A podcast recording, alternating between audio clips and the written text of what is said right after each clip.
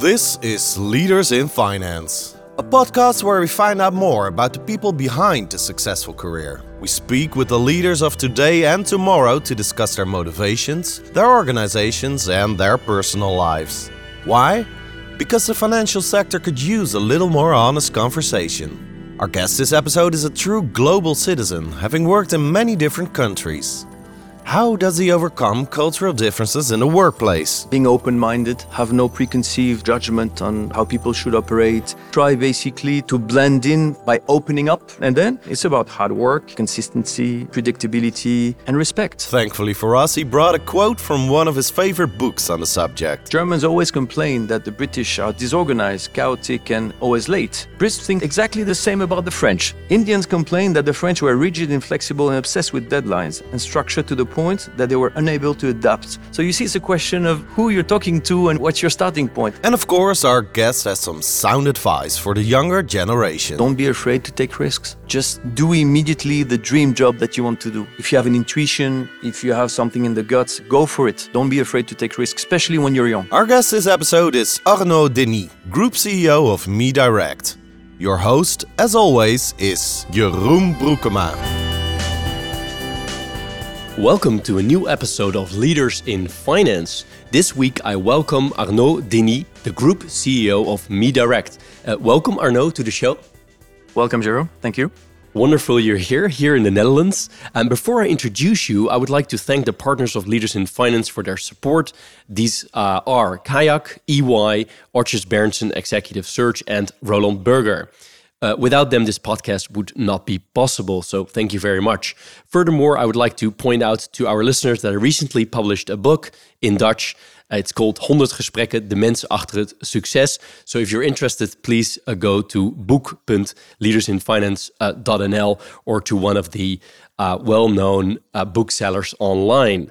As a good tradition, we start with spelling your name, uh, Arnaud. That's uh, a R N A U D, and Denis is D E N I S.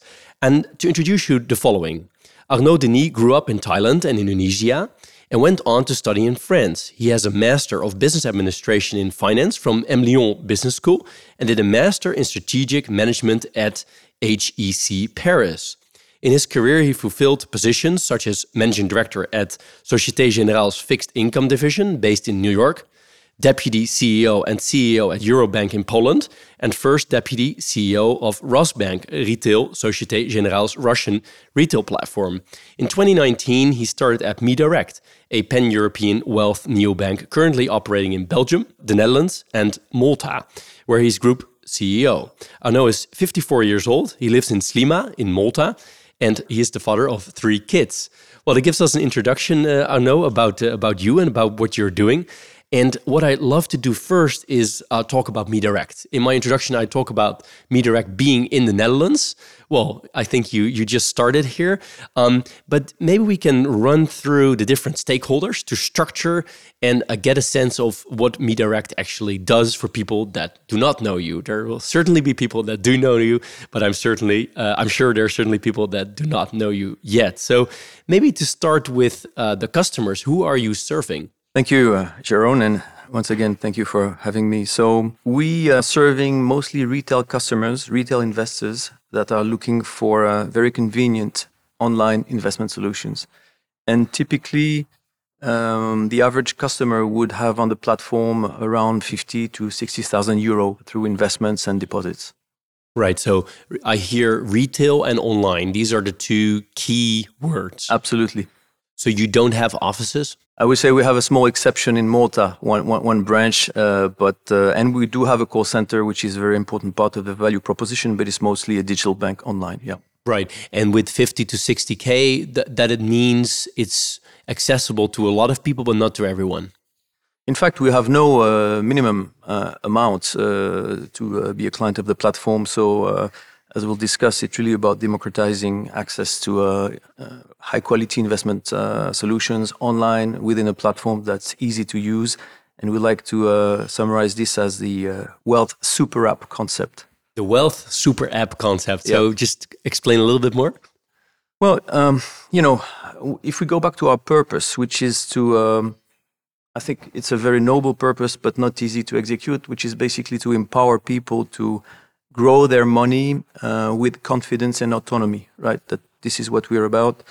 And um, we have built for this uh, a Wealth Super app with three things in mind um, giving the customer the choice on how he wants to invest, uh, basically, um, inclusion, meaning uh, giving access to high quality wealth services uh, through the platform at, at low cost and without minimum thresholds.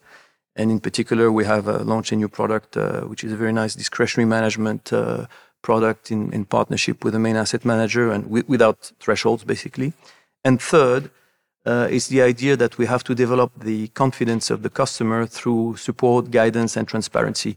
So we'll go probably in the details, but so the way we build the value proposition is really around these three main pillars of the, the super app choice, inclusion, and confidence in support. Yeah. Right. My my very short exactly, summary. Exactly. And uh, if we go from the customers to your colleagues and all the people that work in your organization, um, how many people work there? What are they doing? So we have around um, 400 uh, colleagues, you know, working from MeDirect. And uh, most of the stuff uh, is actually located in, in Malta because this is where we have our technology backbone we are in fact a hybrid between a I would say tech company and a bank. So as a bank, we're a regulated pan-European bank um, under the umbrella of the ECB, the European Central Bank. So we have banking and investment services license, and, and we operate at uh, at the ECB standards, obviously. Um, and as a, as a company, uh, we have the uh, technology platform in Malta, and we have our clients ab- across Europe, um, mostly in Belgium today, uh, some in Malta, obviously, and uh, very soon in the Netherlands, and we have the ambition of scaling up in, in uh, one or two other countries. Right. And does it mean that most of the people work in tech and then some in finance or the other way around? It means that uh, around 70% of the stuff is actually technology and, and, and UX design guys building channels, right? Be, building digital channels and, and uh, I would say uh, integrating an ecosystem of partner on our platform to create the value proposition. When you think about uh, what is a online financial product is a combination of three things. It's the financial product itself. So, uh, you know, equity, uh, ETF, uh, mutual funds, bonds, and, and other products. And in fact, these products have not um, changed too much over the last 20 years. What has changed is the second layer is the user experience, is how you build a customer journey and, and backed by um, very flexible technology. So most people working for MeDirect are actually building customer journeys and, and are part of, I would say, a, the tech uh, environment, globally speaking. And why Malta and why Belgium and also why Netherlands now? Well, uh, I've been part of this group for the last three years, but in fact, MeDirect was created uh, eight or nine years ago. And initially out of Malta, um, the idea is that in Malta you have a very large uh, pool of uh, talent in the tech industry. Uh, you have a, a, video gaming, iGaming, and, and telecom industry in Malta that's quite developed. So we we we could draw, uh, you know, our talent pool uh, in, in, those industry. And Belgium, I think it was a bit historical. Uh, the uh, previous uh, management uh, was looking for a market where they could raise online deposits, and and basically they scanned Europe and they chose Belgium. Now. Um, what we've done is to really transform the culture of the company into something much broader, focusing on what we call wealth tech, right? Um, which is uh, again uh, providing superior online solutions on the platform, uh, providing choice to clients and, and inclusion and, and, and, and, transparency. And we we said, okay, what are the where are the markets where we can operate? Uh, obviously, we want to grow further in Belgium, and uh, Malta is a small market, but we're there as well. And naturally, we thought about the Netherlands. Um, I dare to say uh, for the cultural proximity to Belgium, but uh, also uh, because simply it's a, it's a bigger market. And most importantly, it's a market where we think there is still space to innovate, right? Despite being very competitive, uh, despite having uh, a number of specialist uh, competitors out there and incumbent banks that, that provide good products, we believe that our positioning is, is, is going to be quite unique and attractive uh, to really democratize investment. I just stay with my structure of the stakeholders for now. Um, you mentioned uh, the business started eight, uh, nine years ago, something like that. Um, who, who, founded the business and who is currently owning it? Uh, Anacap, which is a private equity UK uh, based fund, um, is, is owning owning uh, the company, and it has been the case since since launch. So uh, one, one, one majority uh, shareholder. And uh, in terms, if we go back to clients uh, just a bit, so the, the platform is developed to the extent that we have over four and a half billion, right, uh, of assets managed on the platform, a bit more than uh, 100,000 customers. We, we like to position them as, let's say, mass affluent or affluent customers, you know, in banking terms. So typically our sweet spot are people that have anywhere between, I would say, 10,000 euro to invest all the way to up to 500 euro, 500,000 euro to invest. So it's quite broad and on average, as I said, 60, 70K. Right. And um, you already mentioned uh, the European Central Bank being the supervisor. So you could actually launch anywhere in Europe at the moment? Yep, we are passported uh, out of Malta throughout uh, the whole Europe, um, and so this gives us flexibility to uh, you know think about new markets, but you know step by step. Right now, we're focusing on the on the Netherlands and and creating something quite uh, quite unique again for for this market. Right.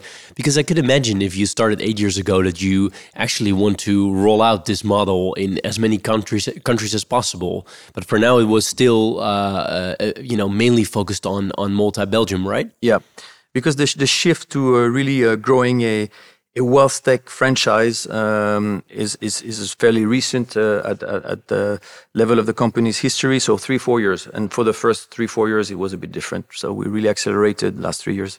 Right. Um, one last thing about this um, this this structure of uh, of stakeholders. If you look at society at large, what what really is the added value you want to have? Again, it goes back to the to the purpose, right? Um, most of us understand that uh, thinking about how to grow your wealth, you know, in, in, in a way which uh, makes you comfortable, uh, understanding the risks with transparency of information, it's a very complex topic. Uh, investing is a, is a complex world. And our goal is to really to simplify this and to create the confidence that one needs to have to uh, start actually, uh, you know, putting money in different types of investment solutions within an app that will bring together the choice. It's about democracy. So choice means that we have on the same app execution only offer uh, on a wide architecture, open architecture basis. Uh, uh, but not only, uh, we have as well discretionary management offer available online. And we're looking to build something broader than this, uh, covering as well um, all the types of guided solutions that you could have between execution only and, and, and DPM. And uh, we have a lot of innovation in the pipe that will come a bit further after launch, but that are part of the uh, the construction of the platform. We even have savings product, right, that will come. So in the end, the customer will have the choice. I want to have a simple savings product, or I want to try for myself and start uh, uh, using the execution mo module, or uh, I need help.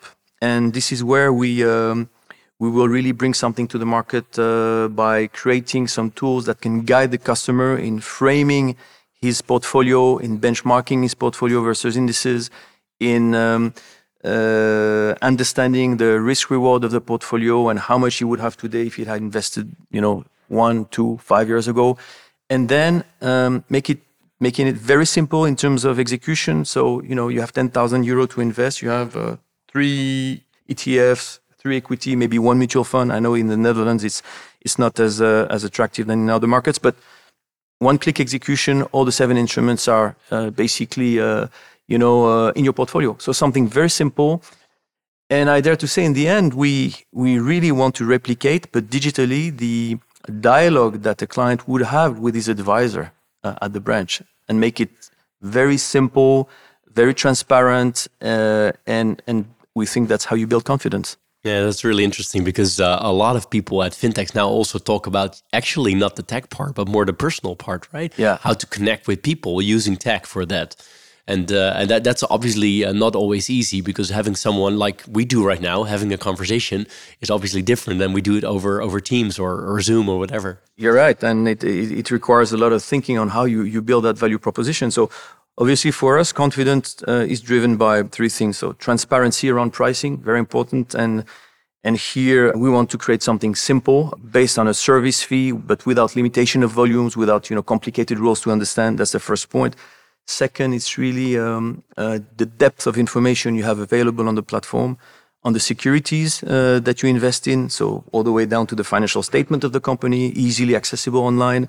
Uh, but also around, you know, the cost you pay, very transparent as well, you know, uh, the reporting you get on the performance. So we, we've worked a lot on creating simple reporting to explain financial performance to a client online within the app.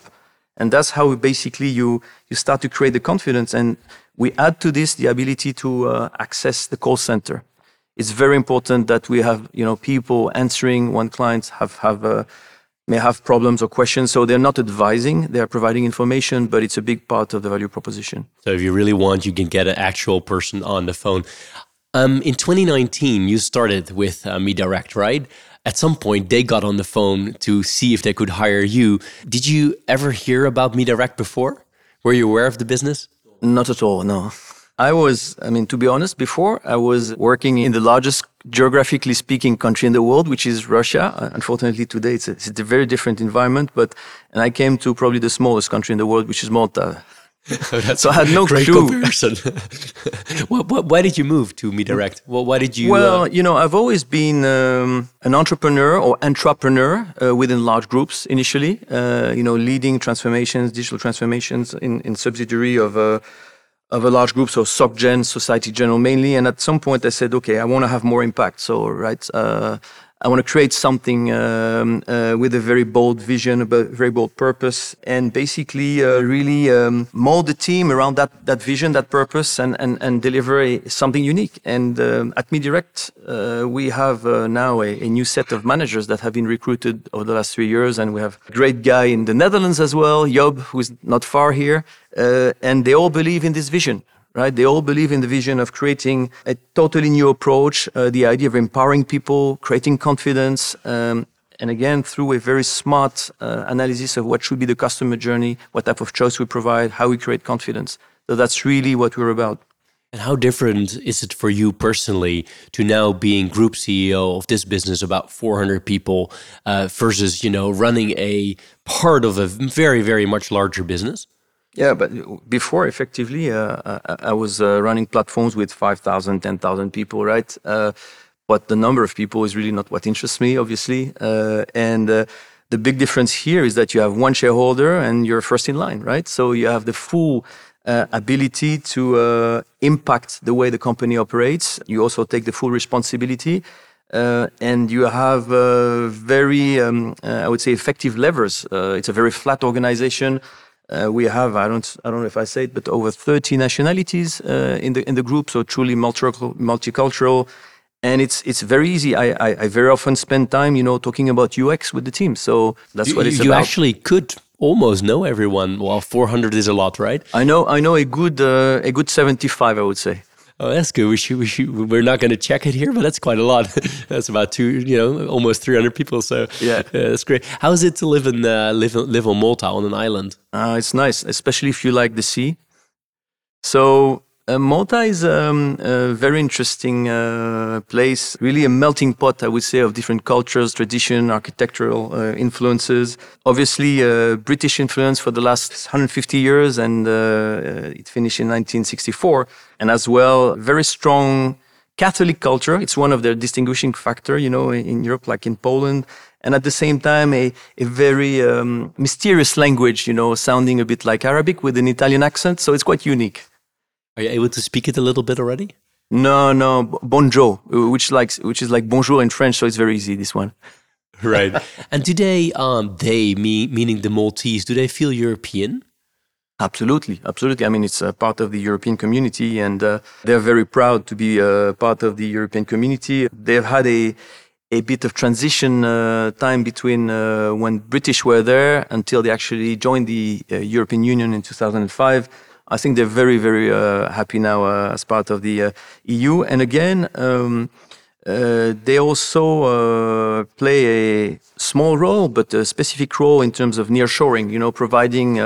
Uh, very attractive uh, tech capabilities to large corporations based in Malta and probably at a more uh, competitive labor cost than, than elsewhere.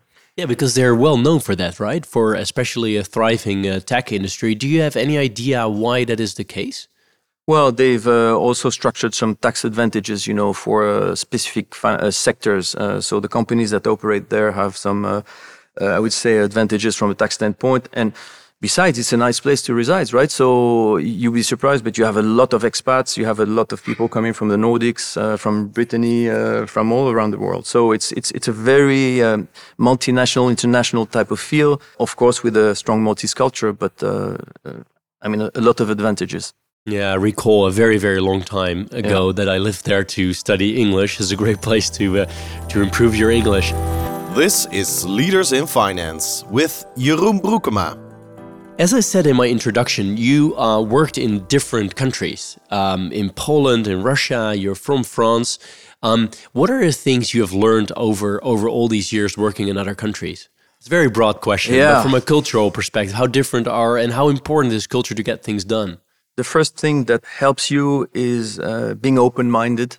Have no preconceived you know judgment on what is the culture of this country how people should operate and try basically to uh, to blend in by opening up right and, and creating the zone of comfort you have with your colleagues. And of course i've, I've worked with americans i've worked with uh, polish i've worked with russians now i work with maltese maybe um, I'm comfortable with this because of my own, you know, background, being born in Indonesia, having lived in Thailand, but I've always worked in this environment. And then once this is said, I mean, it's about hard work, it's about consistency, uh, predictability, and respect. And the culture we have at MeDirect is uh, is based on two things. I want people that are open-minded and curious and ready to challenge themselves, and I think it's it's by far the case and uh, people as well that are focused on delivery, you know, getting things done as part of a team. It's very much uh, team focused. We cannot, obviously, uh, in such a competitive and difficult environment, think we can do it by them by ourselves. So. Uh, the focus on teamwork, the focus on you know being organized in squads and so on is very very strong in the company. And when you uh, worked in Russia, how, how was that time? And also, do you do you look at Russia obviously from a different perspective now? But do you have the feeling that you understand things a little better than what we get to see uh, on the news? Yeah, for sure, for sure. Um, and I mean, I, I don't want to make comments, but uh, or, or in, in, this podcast, but basically, uh, uh, when you live in a country, um, you um, uh, you have a better feel for how people behave, operate, what is their, uh, what are their drivers. So, uh, just to give you a trait of, I would say, characters, usually in Russia, I found that it was much more difficult to break the ice than in America, for instance. You know, uh, in America, it's easier to break the ice, more open initially. But once you've broken the ice uh, with your teams, and that applies to a working relationship, then you have a very high quality of, uh, I would say, of discussions, of contact, and and in fact, your teammates uh, want to know about you as a person, as a human being, not as their boss, right? And as soon as you open up and you're true in your discussions and you, you tell them who you are, what your family doing, what you like in life, then the professional relationships become very, very effective. So actually, you knew quite a lot about your colleagues, your your yeah. your management team, and everything. Yeah. yeah but you're also willing to share yourself then. Yeah you because that's what you have to do then. Yeah no you have to be open up. You i mean basically you, you have your intimacy but you you don't hide right? You, you explain who you are where you come from and and and that was you know one of the i would say very striking uh, things that I, I remember about working with uh, russian colleagues yeah right you already mentioned you grew up uh, very far away from here. Uh, can you uh, share with us uh, why did you grow up there? How, how that all came came about? My father was an engineer, you know, uh, working around the world, and uh, basically when he was building, you know, ports and and whatnot, roads and train stations in, in Thailand at that point, working for a French engineering team. I, was born there, and and it continued for a couple of years after Indonesia. I was raised um, in, I would say, mostly an Anglo-Saxon um, educational background uh, until the age of 15, 16. Then I went back into the French system in Australia and in England and finished my studies in France and uh, very quickly traveled again abroad. I would say I have spent 80% of my, my life outside France. So very much feeling like an international citizen while, while being French, you know, by by culture, but uh, in many ways not being French as well. Did you feel like a global citizen? Yeah, that's yeah. Uh, that's me. Yeah. yeah. And your parents were they were both French, right? You said. But their own story is, uh, is a story of, uh, I would say, uh, immigration in other countries. So it, it, it goes back a long, uh, a long time. I mean, just not to spend too much time on this, but my, my grandfather spent 10 years in Indonesia in the 50s. My father spent 10 years in Indonesia in the 60s and 70s, and just after I was born. And my elder brother spent 10 years in Indonesia in the 80s. So, you know, that's the kind of thing we have in the family. It's in the DNA, traveling yeah, around. I was going to say, it's almost in the DNA. Yeah. yeah. yeah. that's right. So, what were the languages you spoke uh, at home? Was that French? Uh, saya bahasa Indonesia bagus sekali, terima kasih banyak. That was the language you spoke at home? No, or? that was when I was small with my, my nannies, you know, eh, that was Indonesian. No, I spoke mostly French and English. And, uh, and then as a child, I, I actually learned Thailandese as a small child, but it's very hard, very hard language. I forgot completely, but I still can speak a bit of Bahasa Indonesia now, which is fairly easy language to learn. And of course, a bit of German, uh, a bit of Russian, a bit of Polish. Amazing. Yeah, that, that's that's amazing. And the stereotypical idea that people have about expats, so I have that idea as well, is that they're really well in connecting quickly, but then on the long run, it's really hard to keep relationships because they're so used to you know getting to know people, say goodbye, and move to another place. Is that also something that counts for your for you and your family? I mean, I still have some. Uh, I, would say have have friendships uh, from all countries. Uh, I mean, not dozens, but in every country I have a couple of friends, uh, two, three, four good friends. So this dates back to the US, but as well, I have uh, very good friends in Russia, very good friend in Poland, very good friends in the US. So you can imagine that with what's happening right now, it's not easy to, uh, you know, position yourself and, and discuss with your friends because they are your friends after all, you know, that you built for the last 25 years, lasting friendships. And then unfortunately, the world is uh, what it is. Yeah, no, I can imagine that that's hard. And about the way you were brought up, um, do you have brothers and sisters? Yeah. Uh, one elder brother who actually lives in Singapore. Uh, so he thinks the center of the world is over there. So he's, he's going to stay there for long. Whereas you think is Malta? exactly. Malta, the center of Europe, soon, soon. And uh, my sister is a, a, lawyer and she lives in Paris. Uh, so a bit yeah. all over the place, yeah. And um, the way you grew up, can you share were there certain values or, or thinking that was special for your family or that was? Um, when I was. Um, so first, I was always taught to respect. You know, uh, respect, show the utmost respect to local people, their culture, try to understand them, and never think that you have the solution and you think better than them. Never. This the the thing you that uh, I think is a big learning point for life in general.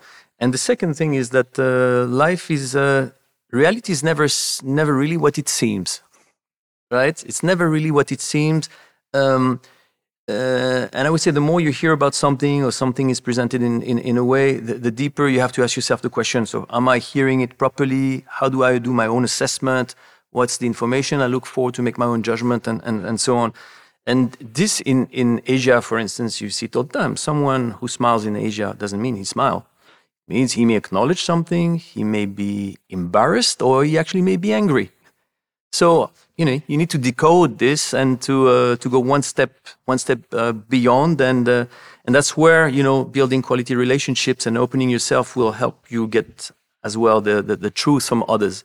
So you know uh, take some distance, uh, build relationships, show some respect, and uh, show ethics because ethics speaks everywhere. You know, you work hard, people respect you. And were there certain typical French things that your parents brought always with you?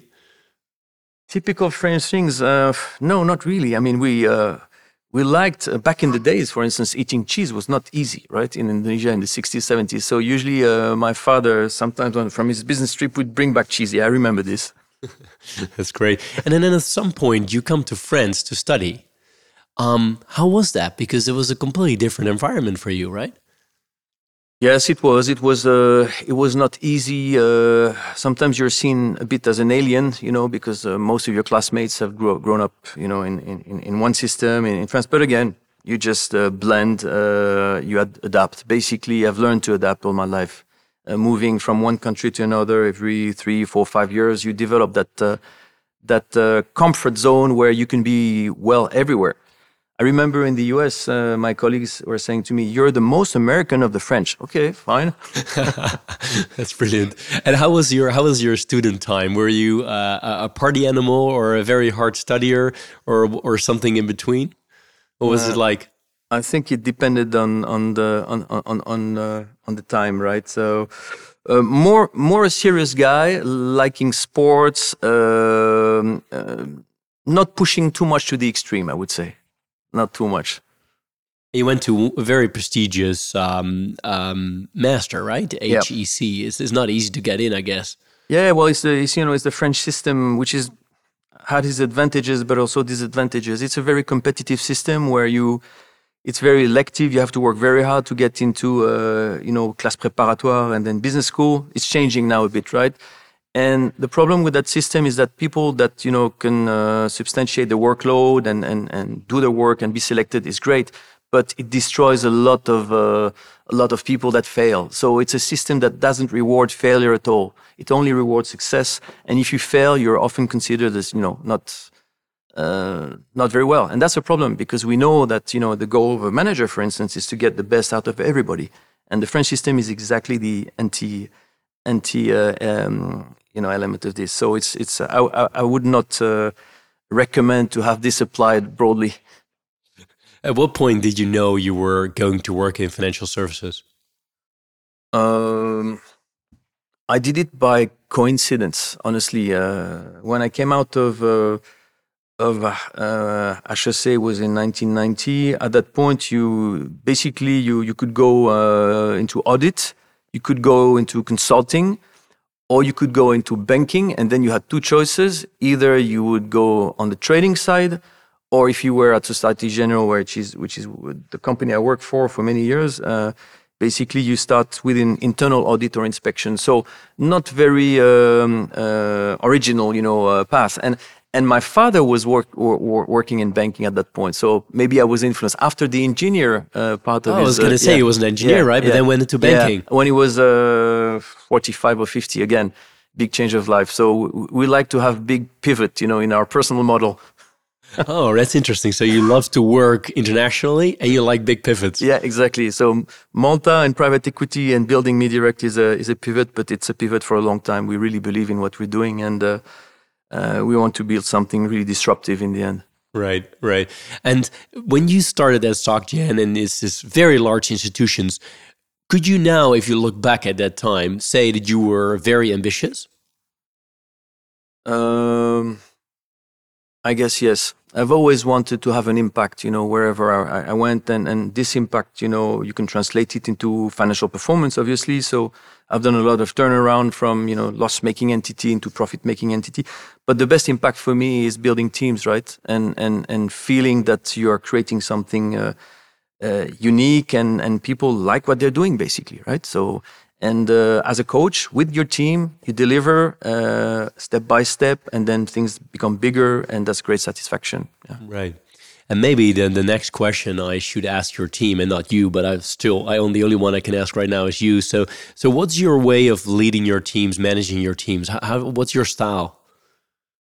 I have a lot of energy. I'm very enthusiastic in what I do, and I try to um, uh, translate this into things that are very concrete, right? So um, when we uh, started to think about the wealth tech uh, approach and the wealth super app, you know, okay, what do we put on the platform, you know, and and you foster uh, co-creation like this, and you're part of that process, and I think this is very powerful. So uh, I'm also very impatient, you know. So as as as a as a manager, they know this uh, a lot of expectations but in the end, uh, sometimes I can be uh, softer as well, you know. So it's a, it's a mix. It's a mix, and you, you want to create that personal touch, right, with everybody you work for, so that in the end they like it. They like you as a manager. They they feel that they can communicate to you. Um, simplicity of communication, you know, open doors. That's that's key. And things uh, when things are not going your way, not the way you want them, or as I just learned, you're impatient, like like myself um, if things are going slow, that that annoys you probably a lot. Um, so how do you deal with with that stress? How, are you are you able to deal with that easily, or you find it difficult? I started uh, yoga three years ago, so now I can you, you, know do stuff on my head and have my uh, uh, my legs up. you really do yeah, that? absolutely. No, no, oh, I'm, wow. I'm, not joking.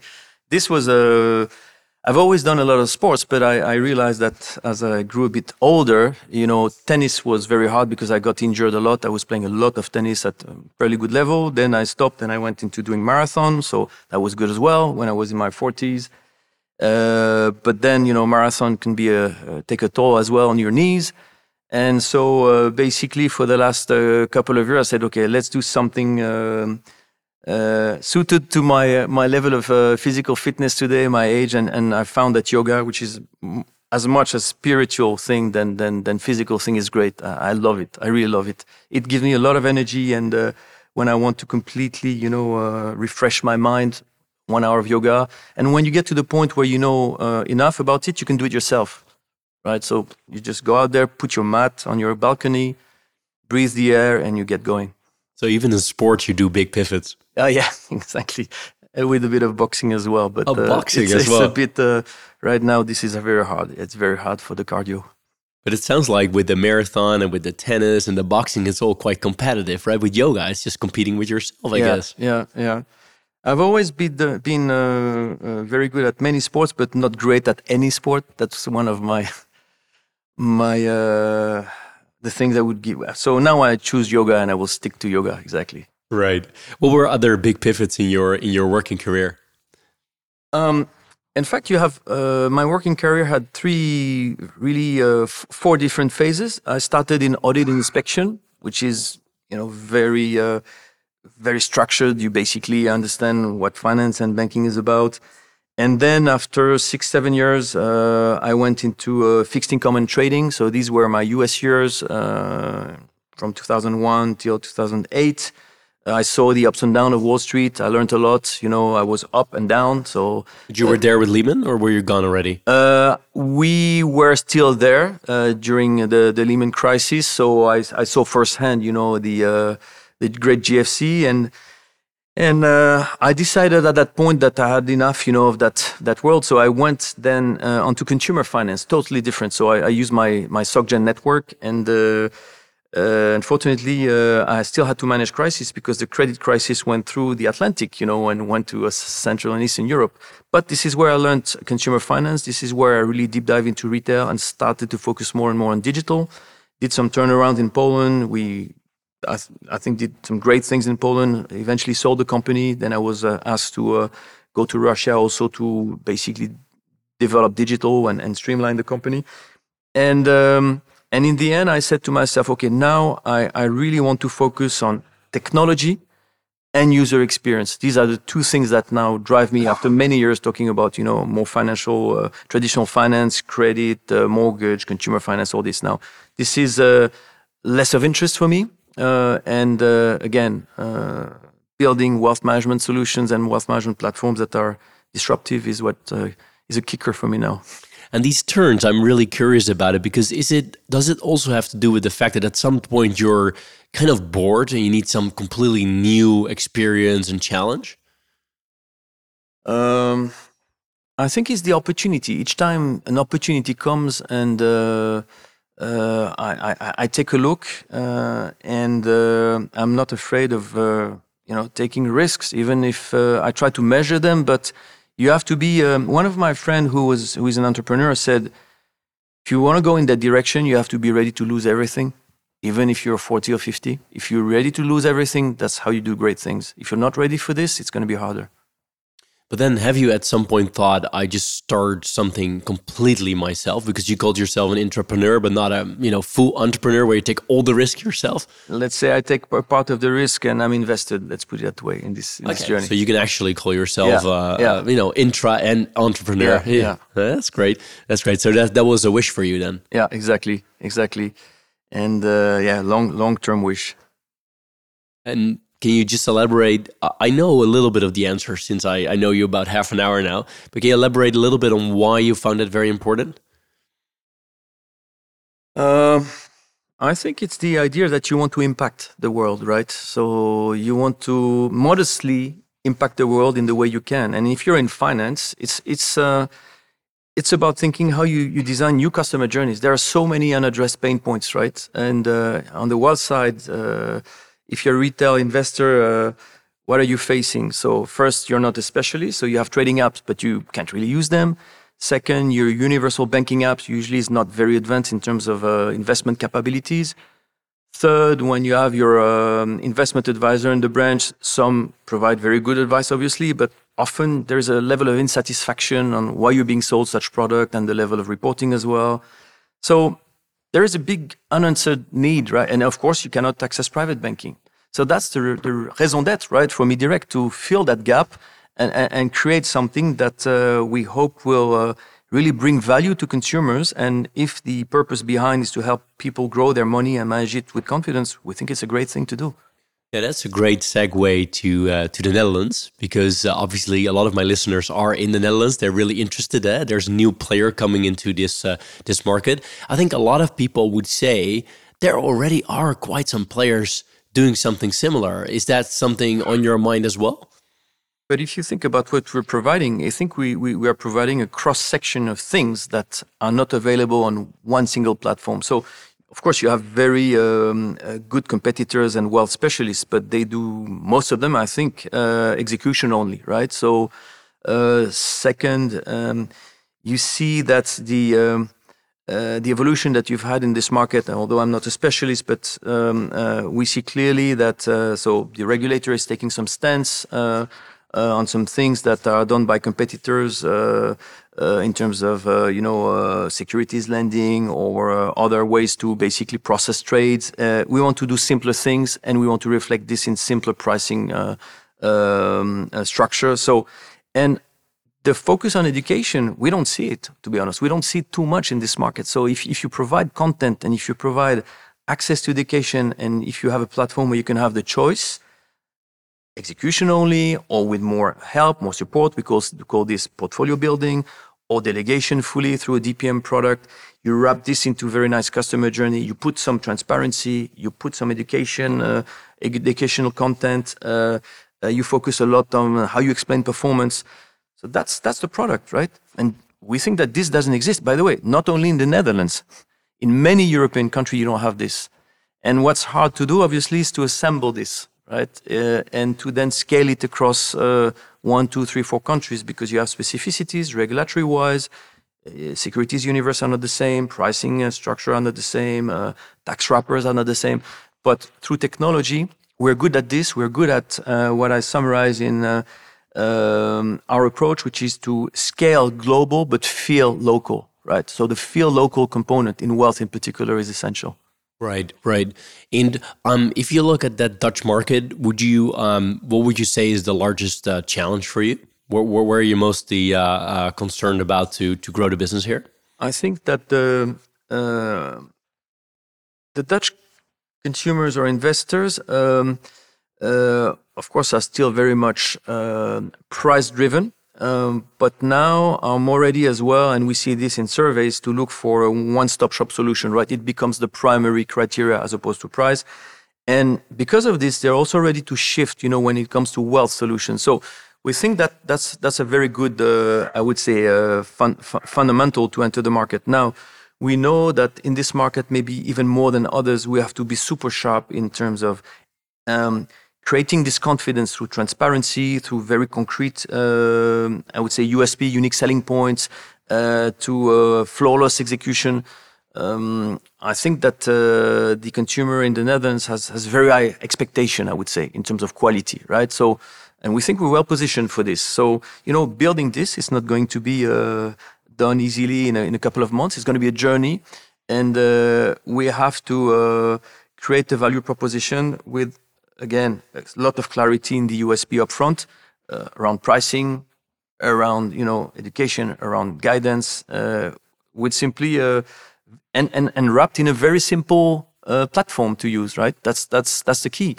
Um, we don't discuss it, but in fact, the platform can be used as well as a daily banking app. Right, so we don't have we have not integrated yet with all the local solutions, but I mean on my app, I, I, I, send money to my kids, I pay my invoice, uh, I go uh, to the restaurant, so that's available. Uh, and the idea behind is that in the end, we really want to position ourselves at the cross section of wealth specialists, but with a, the really a, deep integration of the wealth space and transactional specialists. So you take the big transactional neobank out there, you take the wealth specialists, we're in the middle. Right. Well, that's a very clear, uh, clear explanation. You're listening to Leaders in Finance with Jeroen Broekema. With Leaders in Finance, we always have a pleaser and a teaser. The pleaser is always about books, but let me start with the teaser. And I think where I'm interested specifically in is your background in, in, in a very in very large banks and then uh, across the globe, and then now working in wealth tech, fintech, or whatever you want to call it.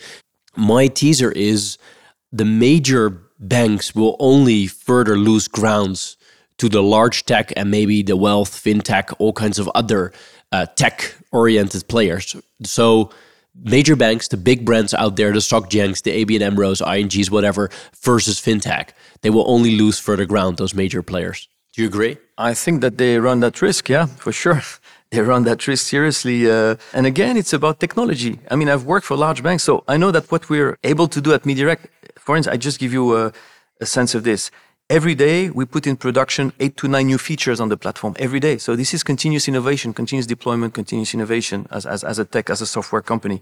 You could never dream of this in a, in a large organization, right? So, uh, and you wrap this into uh, a, uh, a positioning that we summarize uh, in our, in our um, uh, promise, your money, your choices, your money, your choices, right? So we talk um, not uh, as a company, but we want to talk in the name of the client. This is your money, right? So we'll give you the choice on how you want to invest. We'll make this simple for you. You will invest high quality wealth services, which usually you cannot uh, have access to in, in, in your current bank, like DPM, and for a very competitive pricing and a very transparent pricing. This is not easy to do uh, for an incumbent bank. So you agree they will only lose for yeah, the ground. Yeah, I agree. Or is that what you wish for? Uh, a bit of both, but you know, you need to dream your future so that it becomes real. Hey, it becomes a self fulfilling prophecy. Um, so, on the policing side, are you a person that likes to read? Let me first ask that. I read quite a bit to free my mind, obviously, and, and, and, and to learn a lot, uh, in particular about history, about the past. So I, I read a lot of books like this. But I was thinking, because um, I knew you would ask this question, right? So, what can I bring on the table today? And uh, I decided to uh, bring a book uh, called The Culture Map, The Culture Map by Erin Meyer, who is an INSEAD uh, professor. And basically, the book is about decoding how people think, how people lead and get things done across culture. And that resounded a lot, you know, with my, my own history. So, and I, I found the book very, very well written also very uh, funny things like okay how you give negative feedback right? So giving feedback is one thing but how you give negative feedback? Tell me. Right. Well if you're dutch you just do it very directly right? It's not a problem. That's very I easy. i saw that one coming. And it's it's part it's it's well accepted but you know in in other cultures if you do this you lose because you, you create you make the person lose face. And so you, you need to have other ways of creating you know uh, the feedback process. So how you build trust you have some cultures where the trust is task based, so you build trust by doing things together, executing. And you have cultures where the trust is relationship based. You build trust by having a beer or whatever, right? So, how you manage this between different cultures, or what's your perception of time? So sometimes times is, is very linear, sometimes time is flexible depend, depending on the culture. And I had a quote actually from the book that I wanted to read. Oh, that's wonderful. So this, this guy, uh, Erin Meyer, was interviewing some different groups of uh, managers from different countries. Quote is, Germans always complain that the British are disorganized, chaotic, and always late. Okay. And then he was talking to Brits. Brits thinks exactly the same about the French. right? and then he was talking to people from India. Indians complained that the French were rigid, and inflexible, and obsessed with deadlines and structure to the point that they were unable to adapt. So you see, it's a question of who you're talking to and where, what, what's your starting point. And that's about cultural diversity. And this is what you need to understand. And this book is great because it, a lot of anecdotes and a lot of uh, also I would say instrument to decode this. So I, I love the book. I love the I love the way how you talk about it. It's great, well prepared as well, and I love that quote by the way. That's that's really good, and I, I, it resonates a lot with what you have seen in your youth and all the jobs after that. I guess, right? Yeah, yeah, exactly. I was uh, really uh, uh, amazed that this guy, you know, could summarize this in a, in a very very smart ways. I, I, love this book because you have anecdotes, but you have also nice matrices, you know, with axis Y, axis uh, axis Y, and you position the different uh, cultures, you know, on matrices and all, and all that. interesting. Do, do, you know that the Dutch, just to give you uh, one hint for for working here, um, well, you have your people here, but um, a lot of Dutch people use the fact that they are, you know, stereotyped as being direct. They use it as a way to say something rude, right? They just use the disclaimer, "Oh, I'm Dutch, so I can say whatever I want," which is obviously not a way to go in my view, but that that does happen quite a lot actually. So, uh, so that's one for you. Um, and the uh, French don't do this. Usually, they swear more. They just swear more. Yeah, my, my teams know that when I say putain de merde, it means I'm not happy. So that's simple. You know, I don't need to make quite any, direct as yeah, well, yeah, in a way. Yeah. Indirect, direct. very, very clear. And um, in terms of uh, reading about what's going on in the world, where do you take your news from? Hmm. That's uh, so.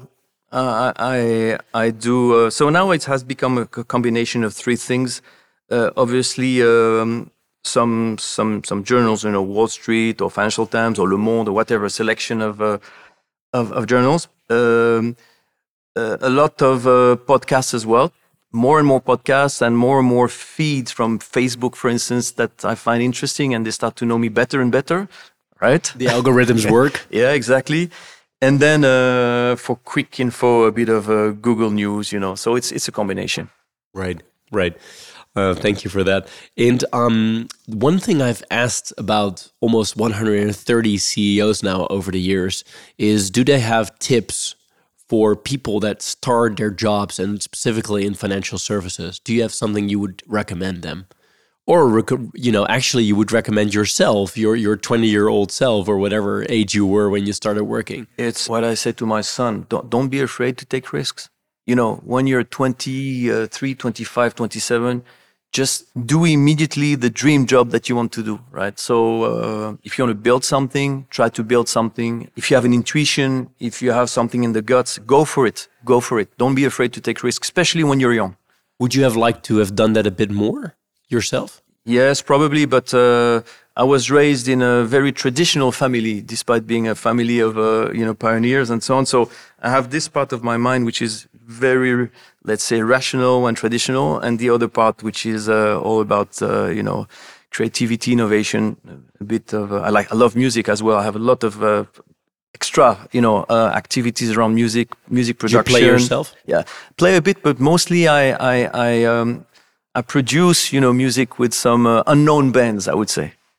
Can you explain me a little bit more? Because this is quite abstract to me. So it means that you know uh, I have some uh, family members that are trying to uh, become known as uh, uh, as uh, as as musicians, and I would um, basically do some artistic work with them to give feedback on you know on the songs and so on, and try to Im improve them if I can, give them feedback because I have a good good ear. Maybe it's linked to the language thing as well and uh, and then you know put a bit of money on table and, and help them design a social media strategy or or uh, show them to big labels and so on. So kind of uh, angel invest, investor, if you will, in, in that space. Wow, that's really interesting. It's also very entrepreneurial. Uh, do you already have a hit with one of them? Do you already see progress? Yes, yes. Uh, uh, in particular, a group called Super Java. Super Java. Super Java. Super Java.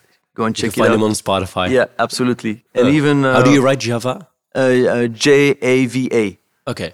Okay. Like I'll... Javanese, like Indonesian Java. Oh wow! Yeah. No, we should check it out. Maybe we put it in the um, in the in the show notes. Um, uh, one, a couple of last questions. How do you manage your busy life, and how have you managed your busy life with your family and kids? How do you do that?